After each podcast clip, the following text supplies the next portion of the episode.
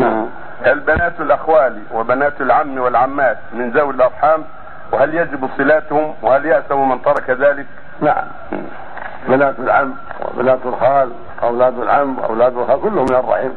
لكن من الرحم غير قريب أقرب منهم الأعمام والأخوال والإخوة والأخوة. هم من من الاقارب البعيدين بعض البعد. فإذا استطاع أن يصلهما بالمواساة بالمال فليفعل.